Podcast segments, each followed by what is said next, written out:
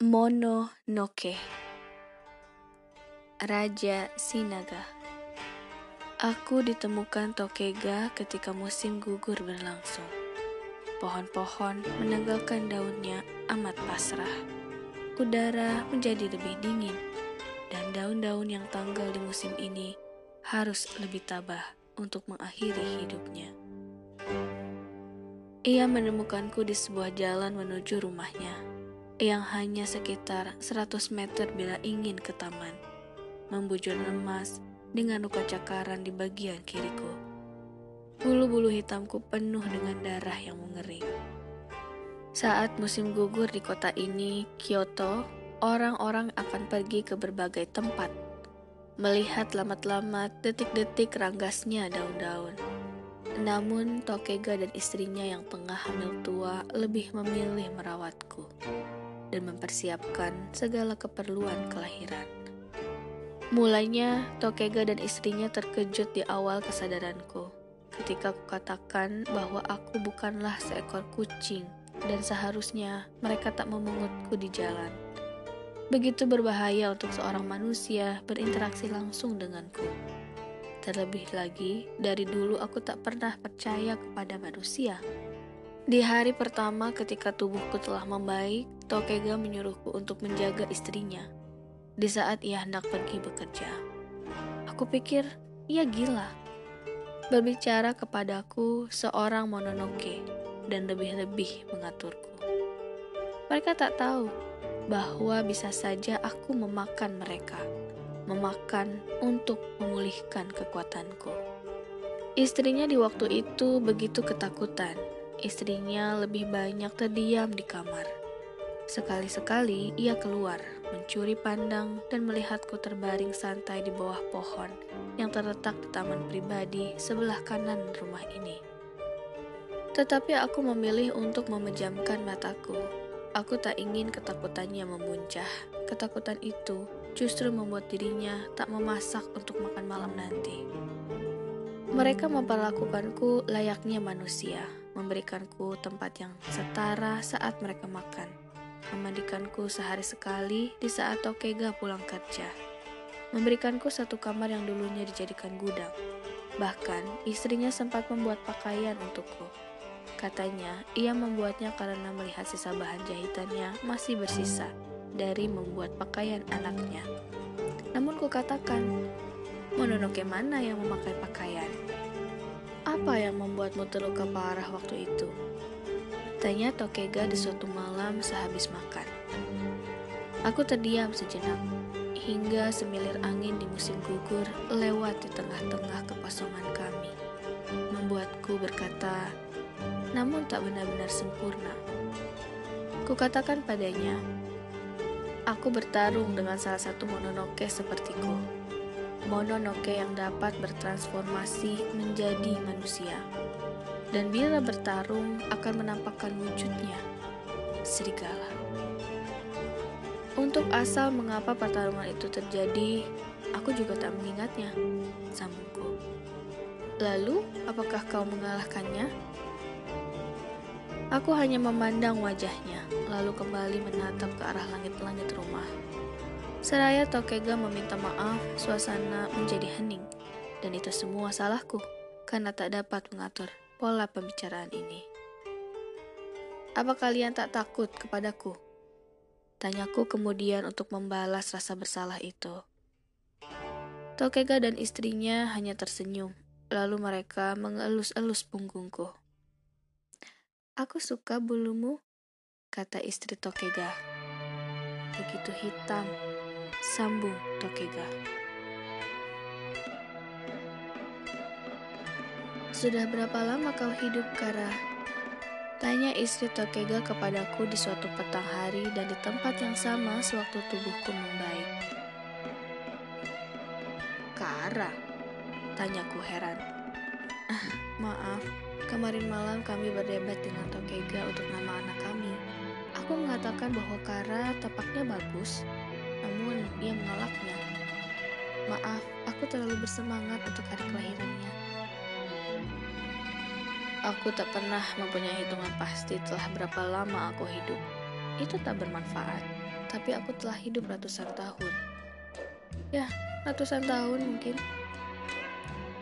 Selama ratusan tahun itu, apakah kau hidup sendiri? Kami Mononoke tak seperti manusia yang harus hidup berdampingan. Kami tak selemah kalian. Kesendirian bukanlah sesuatu yang harus disingkirkan dari hidup kami. Istri Tokega kemudian berkelakar kecil. Dan aku tahu, kelakar itu dibuat-buatnya semata untuk mengurangi kecanggungannya atas pertanyaan barusan. Dan di malam harinya, sehabis makan malam, Tokega mengajakku keluar rumah. Hei, tak baik meninggalkan istrimu sendirian dalam keadaan hamil tuanya. Kataku kepadanya. Tapi Tokega begitu yakin dan bersikuku. Ini tak akan lama, tenanglah. Lagi pula dia mengizinkan. Ayo. Di bawah remang-remang lampu jalanan sekitar 15 menit berjalan kaki, Tokega memberhentikan langkahnya. Di sini pertama kali aku menemukanmu, katanya. Aku keheranan. Ia mengajakku keluar hanya untuk ini. Ah, sudahlah. Lebih baik kita pulang. Udara di luar semakin dingin, kataku. Aku harus mengakuinya. Selama ratusan tahun, diriku hanya mengenal bertarung dengan sesama Mononoke dan juga memakan manusia untuk menambah kekuatanku. Aku melakukannya semata untuk mengisi kekosongan di hidupku. Ya, setidaknya dengan begitu aku bisa melanjutkan hidup meski yang ada hanya kehampaan. Selama satu setengah bulan kurang lebih, aku bersama Tokega dan istrinya. Dalam kurun waktu itu, aku merasa bahwa diriku bukan lagi Mononoke, dan juga bukanlah seekor kucing. Mungkin ini bisa dikatakan sebagai kehampaan, dan ini lebih mengerikan sebelum mereka menemukanku. Aku terus mengulang-ulang peristiwa itu di rumah sakit, Menjaga diriku tetap terjaga dengan bekas luka yang masih kubiarkan menganga. Kulihat Tokega terduduk lemas di lantai. Setelah dokter mengumumkan istrinya dan kandungan di dalamnya tak dapat diselamatkan. Dunia menjadi hitam baginya.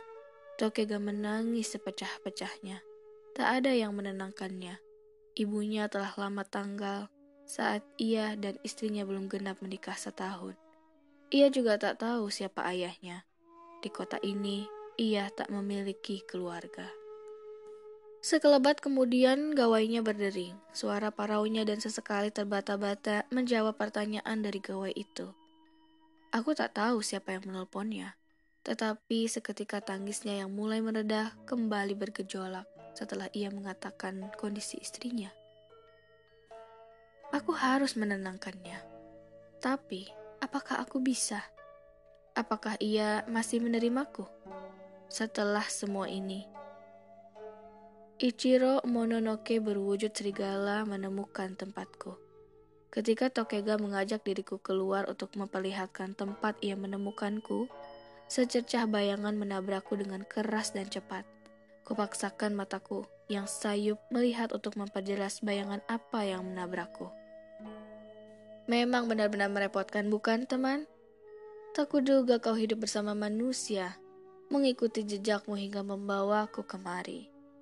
Tapi sia-sia aku menyiksa wanita hamil itu hanya untuk mendapatkan jawaban di mana dirimu. Jika rupanya kau berada di sini. Tokega bangkit dan berlari meninggalkanku setelah Ichiro membual. Aku meneriakinya, tapi ia abai dan terus berlari hingga tubuhnya tak kelihatan lagi. Sekarang aku tak memiliki waktu untuk mengejar Tokega. Di depanku harus kuselesaikan masa lalu yang masih membayangiku. Tubuhku membesar. Bulu-bulu hitamku menyala bak api dalam tungku besar dan terus disirami minyak.